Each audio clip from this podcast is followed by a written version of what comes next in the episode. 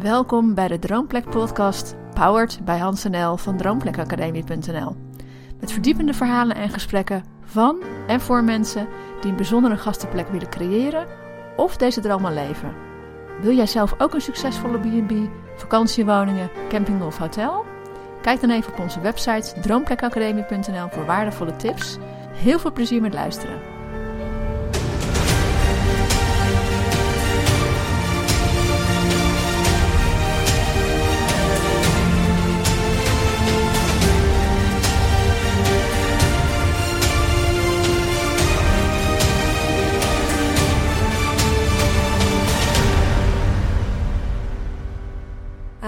Leuk dat je luistert naar deze podcast.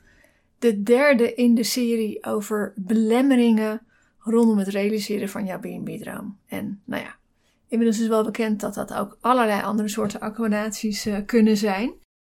En uh, ja, vandaag het onderwerp kids. Hè, um, bijvoorbeeld, ja maar, doe ik er wel goed aan voor mijn kinderen? Om een gastenaccommodatie te beginnen. Of dat nou in uh, het binnen- of buitenland uh, is. En we realiseren ons ook dat deze podcast niet voor iedereen is. En we begeleiden ook veel mensen en stellen zonder kinderen. Um, ja, dus deze podcast is speciaal voor mensen die al kinderen hebben. of misschien ook een kinderwens hebben. Want dan speelt de toekomst ook een, ook een rol. Um, ja, en, en, en als je kids hebt of wil, ja, dan gaan er natuurlijk ook weer verschillende fases, uh, gaan ze ook weer verschillende fases door. Uh, hele jonge kinderen, uh, schoolgaande kinderen, lagere school, middelbare school, um, volwassen kinderen misschien wel. En um, ja, ik denk dat elke leeftijd zijn eigen dynamiek heeft, maar daar zullen we het zo meteen ook wel, wel over hebben. Um, ja, en zoals gezegd, misschien wil je een gastenaccommodatie, maar ga je niet emigreren. En ik weet nog wel dat ik het een keertje. Uh, wij hebben hier best wel een cultuurshock gehad. En ik heb het er wel eens met gasten over gehad. En um, die vertelde dat ze van de Randstad, Amsterdam, naar Friesland waren verhuisd. En dat ze ook daar een cultuurshock hadden. Dus zelfs ook verhuizen binnen je eigen land kan al ja, voelen als emigreren. Hè? Dus nou ja, kijk zelf wat, wat passend voor je, voor je is, wat op jou van toepassing is. Um, maar de scope is in ieder geval um, ja, dat je met je kinderen uh, verhuist. Um, en dan zou de scope zelfs ook nog kunnen zijn dat je uh, op dezelfde plek blijft wonen dat je eerst geen accommodatie had en die wel start. We horen wel regelmatig van mensen die een plek gekocht hebben en van daaruit willen gaan nadenken over hoe ze, uh, hoe ze dat willen invullen, welk concept ze willen gaan, uh, gaan runnen. En dan kun je je voorstellen dat, ja, dat, je, dat daar ook in, iets in verandert. Hè? Als je ondernemer wordt aan huis, tijd voor de kids. Dus de, de scope is best wel, uh, is best wel breed. Nou, we proberen hem vandaag een beetje te te tunnelen. We hebben een, uh, een paar vragen, uh, belemmeringen, vraagstukken geformuleerd. En uh, laten we zo meteen ook even kort daar doorheen, daar doorheen lopen. Ehm, bijvoorbeeld, wat is het juiste moment? Of misschien heb je er ervaring mee dat je kinderen niet willen. En vraag die wij ook heel, vaak, heel vaak krijgen, of een belemmering die we vaak horen, is: gaan de kinderen het wel leuk vinden? En ja, vind ik wel een passende school? En, en hoe dan? we spreken ook regelmatig mensen met uh, kinderen die speciaal onderwijs nodig hebben. Nou, dat is nog weer een, een subdoelgroep. Kunnen we ons heel goed voorstellen dat het een belangrijke vraag is. Um, ja, wat we net ook zeiden, heb ik voldoende tijd voor mijn kinderen? Ook heel belangrijk. En ja, misschien zijn er wel een opa en oma in het spel. En dat is natuurlijk ook een vraagstuk, hè? Um, die gaan hun kleinkinderen minder zien. Kleinkinderen gaan hun uh, opa en oma minder zien. Je ziet je ouders zelf ook minder. Um, op het moment dat je er ver vandaan woont, is opvangen ook een, uh, oppassen ook een dingetje. Nou, dus dat is ook een vraagstuk. En ja, wat is het juiste moment? Wat is de juiste leeftijd? Nou, allemaal vraagstukken die we even kort de revue eh, eh, zullen laten passeren. Eh, de kinderen willen niet. Dat is wat, iets wat we, zeker ook op de emigratiebeurs, daar spreken we heel veel mensen. Dat is eigenlijk ehm, het moment voor ons in het jaar dat wij ja, mensen live spreken. Hè? Anders is het online, maar het is het moment dat we mensen live spreken en hun verhalen ook horen. En um, regelmatig krijgen we ook dat soort belemmeringen dan te horen. Met mijn kinderen willen niet. Um, hangt er ook een beetje van de leeftijd af, denk ik. Hè? We horen het denk ik het vaakst in de puberleeftijd. Of, sorry, ik wil eigenlijk het woord puber niet gebruiken. Dat vinden pubers niet leuk. We hebben het over tieners. Tieners. Voor tieners vinden het vaak het, het lastigst. Um, ja, bij ons is dat vraagstuk, wat is het juiste moment, niet echt aan de orde geweest. Toen wij gingen dromen, toen hadden we nog geen kinderen. Um, onze droom veranderde wel een beetje toen we. Uh, toen er een kinderwens was, toen het concreter werd. Ja, ik denk dat dat wel een grappige anekdote is. Dat wij. Even off topic. Ja, even off topic. Dat wij, dat wij onszelf echt wel zagen zitten in een, in een echte berghut hoog hoog in de bergen met veel sneeuw en afgelegen van de bewoonde wereld. Ja, heel idyllisch. Heel idyllisch. We zagen het plaatje helemaal voor ons. Met ons tweeën. Ja. En ja, dat toen we er, toen we het één stapje concreter gingen maken, dat we ook wel vrij snel erachter kwamen dat dat, hoe idyllisch en hoe leuk het ook klinkt. We zien het zelfs nu concreet in ons dal bij mensen die op zo'n plek wonen. Maar dat het voor ons niet praktisch leek om elke dag uh, het naar de kindergarten, naar de kleuterschool, naar de lagere school ja, moeten brengen van je kind. Elk ritje. Elk ritje dat dat weer een uitdaging is. X minuten. Ja, een uitdaging of inderdaad sowieso significant blok. Uh, Een significant blok van je tijd. Dus ja. ja, in dat opzicht eh, heeft het zich meteen wel aangepast. Uh, hoe kwamen we hier, Hans? Volgens mij de leeftijd van de kinderen. Ja, onze kinderen, wij zijn met hele jonge kinderen, zijn wij uh, geëmigreerd. Het, het voordeel was, dat zij er niet heel veel over te zeggen hadden. Ehm, dus dat scheelt misschien een beetje. Uh, als ze wat ouder zijn, krijgen ze daar natuurlijk een, een mening over. Hè? Zoals gezegd, dat zien we ook wel vaker met, uh, met, met tieners. Um, ja, en gaan de kinderen het wel leuk vinden? Dat, dat is ook een veel besproken zorg. Gasten vragen, onze, onze gasten vragen wel eens aan ons van... Goh, uh, hebben jullie kids naar hun zin?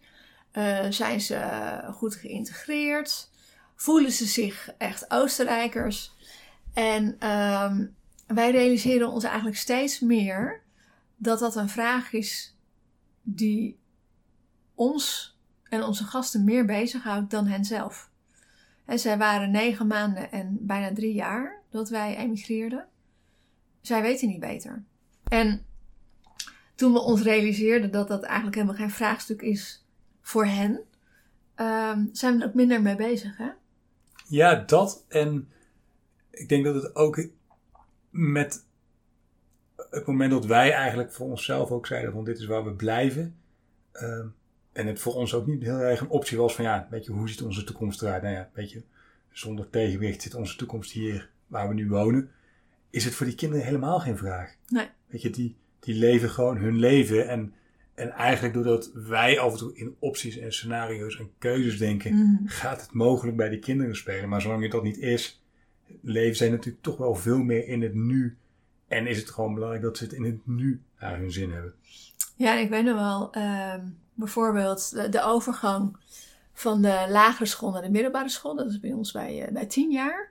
Ja, zo'n afscheid van een school. Je hebt een band opgebouwd. En het is ook weer even zo'n momentje van, oh, ze worden groter. Ik weet nog dat wij toen, toen was er ook iets emotioneels in het dal uh, gebeurd, overlijden van iemand. En um, ja, wij, ja wij, wij hadden toen even zo'n momentje van, oh, hebben we er wel goed aan gedaan. En um, toen zei de directrice, we hebben het ook even met de directrice ook over gehad. Van de nieuwe school. Van de nieuwe school. En um, ja, die zei toen eigenlijk wel wat moois, hè? Ja, ik herinner me dat gesprek nog heel goed. Want wij spraken gewoon ja, onze twijfels die je mogelijk, die elke ouder denk ik wel eens heeft. Van ja, weet je, heb je op een bepaald moment de goede keuzes gemaakt? In je leven. Dat En in dit speelde- geval. Dat speelde toen even bij ons erg. Ja. Ja, en in dit geval was het natuurlijk ook nog van toepassing op de keuzes die we dan hadden gemaakt en die dan van invloed waren op onze kinderen. Mhm. En toen zei ze, ja, realiseer je dat iedereen op elk moment keuzes maakt en, en dat die keuzes altijd impact hebben. Ja. Maar dat je gewoon hebt te dealen met het effect van die keuzes. Ja, weet je, keuzes hebben consequenties, zegt ze. En ja, een uitspraak die wij ook wel eens gebruiken. Ja. ja, maak je er niet te veel zorgen over. Je kunt die keuze toch niet meer veranderen. Eh, ga door van waar je nu bent. In plaats van na te denken over die keuze die je ooit anders had kunnen maken. Want ja, dat heb je niet gedaan. Ja, en ik vond het heel mooi eigenlijk, omdat het relativeert. En dat het ons ook eventjes uit ons... eh, hebben we het wel goed gedaan, kokonnetje halen? Ja. Eh, hebben we het wel goed gedaan om te emigreren? Want ja, elke ouder loopt met vraagstukken. Ja. Soms moet je het ook niet zwaarder maken dan het is. En moet je er ook geen probleem van maken als het... Ehm, er is een verschil tussen, tussen een zorg en een acuut probleem. En er was geen acuut probleem. Het was gewoon even een zorg die oplopte. Ja, En dat geldt misschien wel voor alle belemmeringen die je ervaart of zorgen die je ervaart. Ja, er is in veel gevallen nog geen acuut probleem. Eh, en daarom zeggen we ook altijd dat het zo belangrijk is om veerkracht op te bouwen, om te leren omgaan met tegenslag.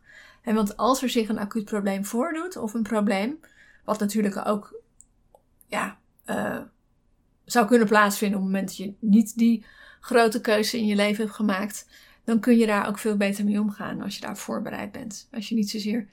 Je hebt natuurlijk niet altijd een oplossing voor een probleem dat zich voordoet, maar als je weet hoe je tot een oplossing kan komen, dan, dan helpt dat in ieder geval al.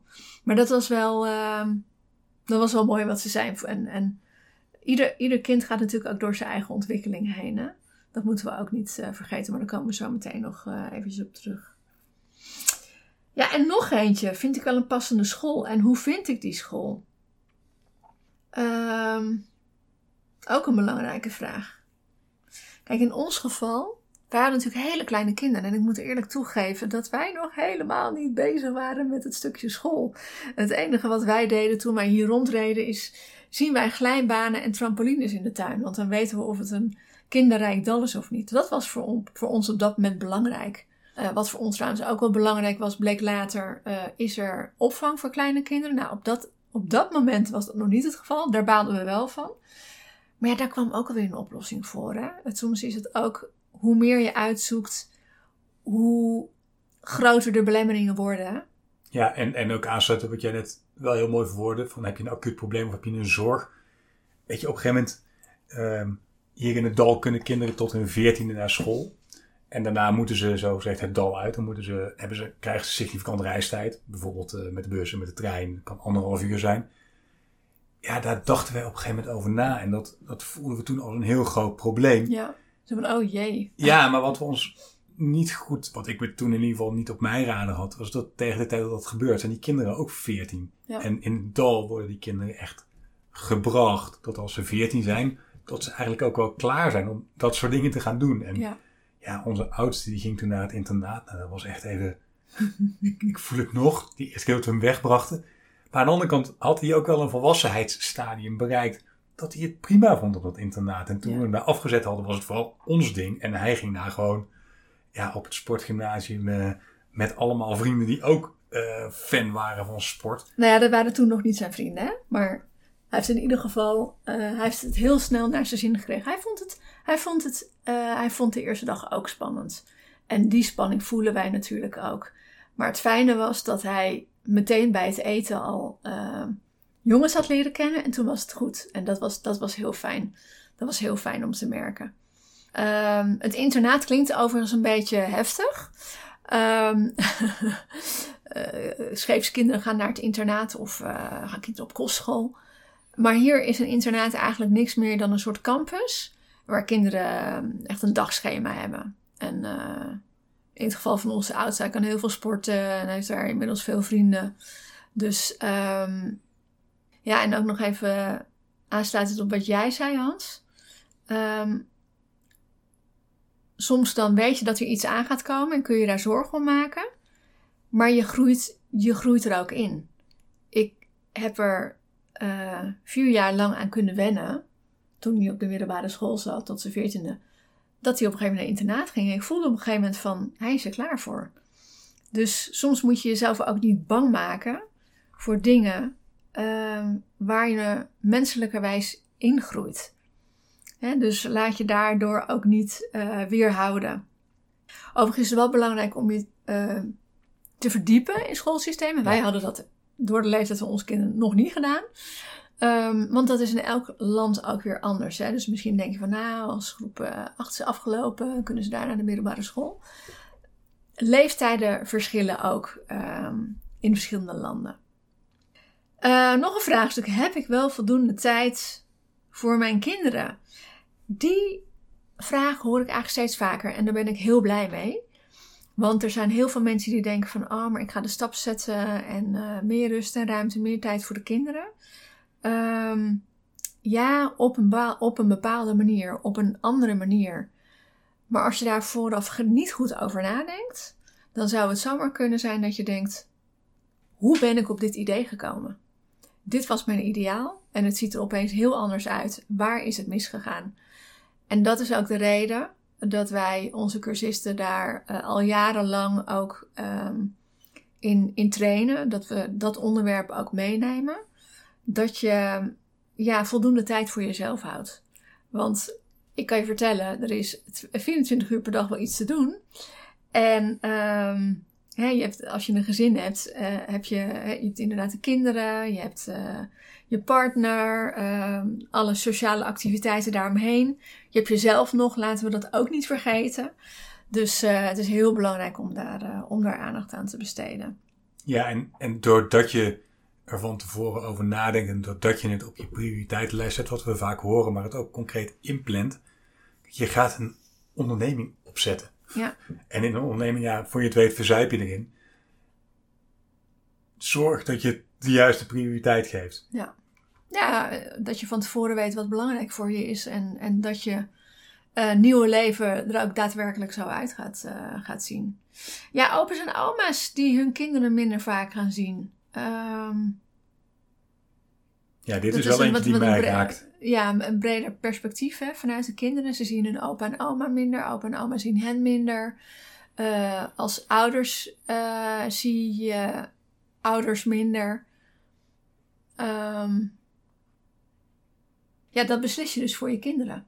Ja. En ook daarin geldt weer, um, hoe, hoe ga je dat inplannen? Hè, waar je, als je niet te ver van elkaar woont, misschien makkelijker zegt: we gaan even langs of we gaan elke week langs, is het nu meer plannen. En daar hebben we het natuurlijk ook al eerder over gehad in de vorige podcast. Als ze elkaar zien, is dat dan ook weer langer. Het is weer intenser, dus het is een andere manier, maar het is wel een keuze. En wat ook een aspect is, als je dicht bij je ouders woont um, en ze vinden het leuk om onderdeel te zijn van het um, sociaal vangnet, dan ja, dan zijn ze er voor je. Um, op het moment dat je de keuze maakt om verder van je ouders te gaan wonen, dan, ja, dan heb je ze niet. En ik moet zeggen dat ik dat soms best wel lastig vond. Maar ook dat, ja, ook daarvoor vind je weer een oplossing. Ja, maar dit is er wel eentje waarvan ik, als ik naar onze situatie kijk, um, dit vind ik echt een downside. Mhm. Er zijn heel veel punten die we hebben meegemaakt de afgelopen 14, 15 jaar. Waarvan ik zeg, ja, weet je, dat, uh, daar zat een lering in. Of daar, heb ik, daar hebben we mee weten te dealen. Dat onze kinderen hun opa's, oma's op een minder intense manier hebben kunnen en mogen beleven door onze keus. Ja, dat, dat is zo. En dat is voor die kinderen wederom een veel minder groot thema dan dat ja. het voor ons is. Ja. Maar het is wel iets waarvan ik zeg van, hé hey, ja, dat, dat is, heb ik in mijn jeugd op een bepaalde manier positief ervaren. Ik vind het jammer dat ik dat mijn kinderen, of het, ja, dat, dat, dat, precies zoals jij het zei, zo dat Mhm. sociale vangnet, Mhm. hoe je het ook bent of keert, dat konden wij niet op tot stand brengen door de fysieke afstand die we hadden met onze ouders. En Ja. dat vind ik af en toe, dat Ja. vind ik jammer.